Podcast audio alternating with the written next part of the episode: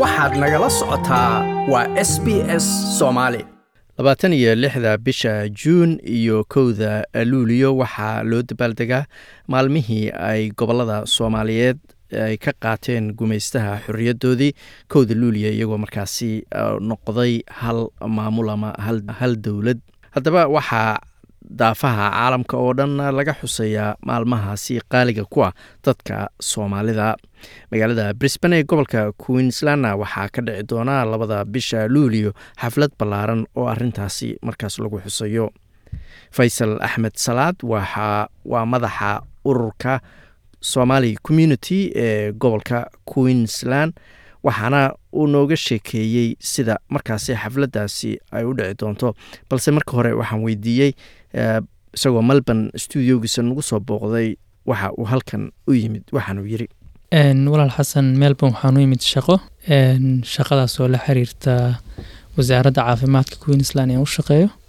Marka halkan waxaan u joogaa conference soconayo ilaa saddex maalin queensland dib markaad ugu noqoto waxaa u diyaar garoobeysaa xuska kowda luuliya oo ah maalintii soomaaliya gaar ahaan koonfurta ay xorriyadda qaadatay.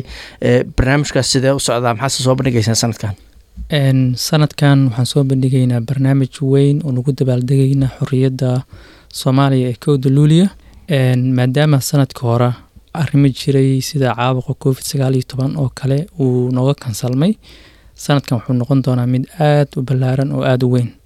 Marka waxyaalo badan ayaa noo qorshaysan marka xalfad weyn ayaan soo wadnaa hadduu alla idmo. Waa garta soomaalida ee degan gobolka guud ahaan intay la egtaha gaar ahaan magaalada brisbane hawshaanse sidee uga qeyb qaadanaya? Soomaalida brisbane degan waa dad aada u badan. Inta badan waxaa lagu qiyaasaa toddoba kun ilaa toban kun dad u dhexeeyo. Marka hawshana maaragtay iyaga ayaa loo qabanayaa wayna caawimaad weyn ayay ka geysanayaan waana howl ay si fiican wada sugayaan. Waa gartay sanadkan waxaad sheegtay in arrimo aan hore loogu arag magaalada brisbane iyo madaxda deegaanku aynii ballan qaadeen si ay qeyb uga qaataan kowda luuliya. Maxaad filaysaa inay sameeyaan? Kow sanadkan waxaan rajeyneynaa inay noo imaan doonaan already maaragtay confirmationna fiican ayaan ka haysanaa.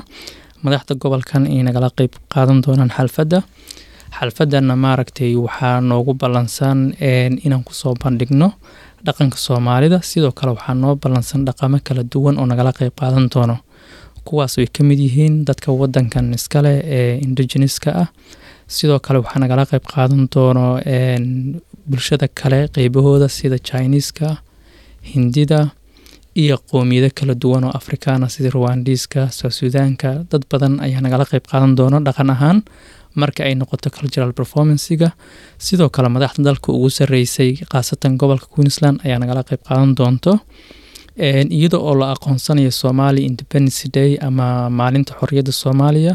Waxaana loo ballan qaaday in magaalada brisbane meelaheeda ugu caansan ee simbooliga ah laga shidi doono nal calanka soomaaliya kalarkiisa leh blue and white.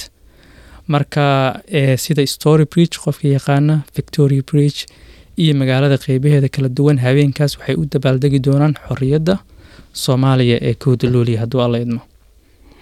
Waa gartay kowda luuliya ama maalintii xorriyadda soomaalidu adugu nin dhalinyaro ahaa tahay ama waagii dowladdii hore ay burburtay baad dhalatay ama waqti ku dhow ama ama waqti kadib maxay kaaga dhigantaha dadka dhalinyarada adoo adoo kala waxay nooga dhigan tahay wax weyn waxay nooga dhigan tahay. Dadka aan nahay dhaqan ayay nooga dhigan tahay taariikh ayay nooga dhigan tahay.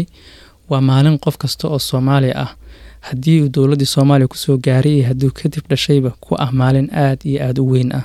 Waa maalin ka turjumaysa dadka aan kana turjumayso in aan mar walba ku faano oon dhaqankanaga iyo wadaniyadanada iyo taariikhdanada aan si fiican ugu dabaaldegno waa gartay nin dhalinyaro ahaa tahay communitygii queensland madax waa hubaa marka dadka cadaanka ah oo reer australia aada la hadlaysid inay kaa rabaan inaa u sharaxdid xorriyaddii soomaaliya iyo waxa hadda ka socda. Su'aalaha ugu badan oo lagaa weydiiye soomaaliya maxaa maxaa ugu badan? Markaad dadka cadaanka ah oo madaxda ah oo goobaha kala duwan oo shirarka oo kale aad aad kula kulantid maxaad se ugu sharaxdaa sida soomaaliya wax uga socdaan? Hadda ano aan rabin inaan siyaasad si gaara kuu geliya lakiin guud ahaan dadka ajanabiga soomaaliya maxaad ka bartaa maxaa ka bari kartaa? Horta midda koowaad taa shakhsiyan fikrahan ayaan ka dhiiban karaa. Laakiin marka ay noqoto xalfadda dabaaldegeeda historiga marka laga hadlayo dee odayaal iiga cilmi badan iiga aqoon badan ku soo noolaaday ayaa joogo dadka ayaa mudnaanta iska leh dadka ayaana ka hadli doono.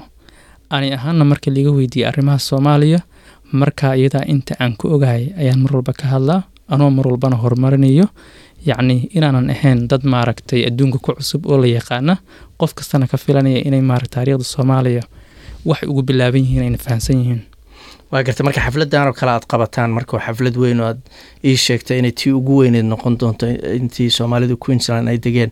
Dadka ajanabiga ama australiyaanka ah oo ka soo qayb gala maxaad rabi lahayd ama jeceshiin inay soomaaliya iyo dhaqankeeda iyo hidaheeda ay ka bartaan? Barnaamijyo badan oo qurux badan ayaan u diyaarinay oo ay ka mid yihiin taariikhda soomaaliya oo ay ka mid yihiin soomaaliya waxyaalaha ay caanka ay ku tahay. Waxaa jiri doona boord loogu qori doono yacni soomaaliya ee bilowgeedii halka ay ka timid iyo taariikhdooda oo kooban. Qof kasta oo raba ama danaynaya inuu soomaaliya wax ka ogaado boodhka ayuu tegayaa waxaana joogi doono dad fahamsan oo u sharaxi doono. Sidoo kaleeta waxyaalaha caanka aan ku nahay soomaaliya meesha waa lagu soo bandhigi doonaa hadduu alla idmo waxaa kaleeto oon la wadaagi doonaa martida cunto iyaga loogu talagalay oo ka turjumaysa cuntooyinka ay soomaalida ay cunaan dhaqankanaga ah. Marka waxyaalo badan ayaan ugu talagalnay martida noo imaanayso maadaama nahay dad soomaali ahna dhaqankeenna waxaa weeye in martida laga taxadaro la soo dhoweeyo la fadhiisiyo maalinta iyadana sheeko iyo cunno intaba la isugu daro. Waa gartay guud ahaan marka xafladda ka sokow jaaliyadda soomaalida queensland degan waa sidee markay noqoto isdhexgalkooda bulshada guud ee australia iyo sida wadanka ay ula qeybsadeen maxaa ka dhiman baad is leedahay? Maxaadse urur ahaan ka qabataan arrintaa? Run ahaantii soomaalida queensland degan dee in qof kale uu ka hadlaa ficnan le laakiin ani haddii inuu arko waxaa loo arkayaa maaragtay in aan ku faanayo waa dad aada isugu xiran dad aada isaga warhayo dad wax wada qeybsado dad diyaar u ah inay bulshada kala dhexgal wanaagsan la sameeyaan marka intaa ayaan ku soo koobi lahaa. Shaqooyinka ugu badan oo soomaalida halkaa degan ay qabtaan maxaa ku tilmaami laha shaqooyin kala duwan soomaalida waa dad maaragtay ganacsadayaal ah dad baa ganacsiga sameeya dad baa maaragtay hay'ado waaweyn u shaqeeya dad baa dowladda u shaqeeya dad baa looyara ah. Shaqooyinkooda aada buu u kala duwan yahay. Waa gartay dadka reer queensland oo ku dhegeysanaya idaacadda kaa dhegeysanaya maalintaas maxaad maxaad u sheegi lahayd ama maxaad ku tilmaami lahayd maalinta kowda luuliya xuskeeda oo ku aadan labada bisha luuliya soo socota. Maalinta waxaan leeyahay waa maalinteenii waa maalintii aan wada sugaynay. Waxaan filinaynaa dhammaan in nagala soo qayb gashaan na caawisaan garab joogsataan dhaqankiinan la soo bandhigo. Sidoo kale waalidiinta carruurta haysta waxaan ka codsanaynaa inay carruurta ugu soo labisaan hidiyaha dhaqanka soomaaliyeed. Ayna xilli fiican ay keenaan hadduu alla idmo. Barnaamijyo kala duwan oo maarata carruurta loogu talagalay waa noo diyaar marka ye waa maalin aadaan u wada sugi doono waa sugayna hadduu alla idmo kaasina wuxuu ahaa faysal axmed salaad oo nagu soo booqday stuudioga magaalada melbourne.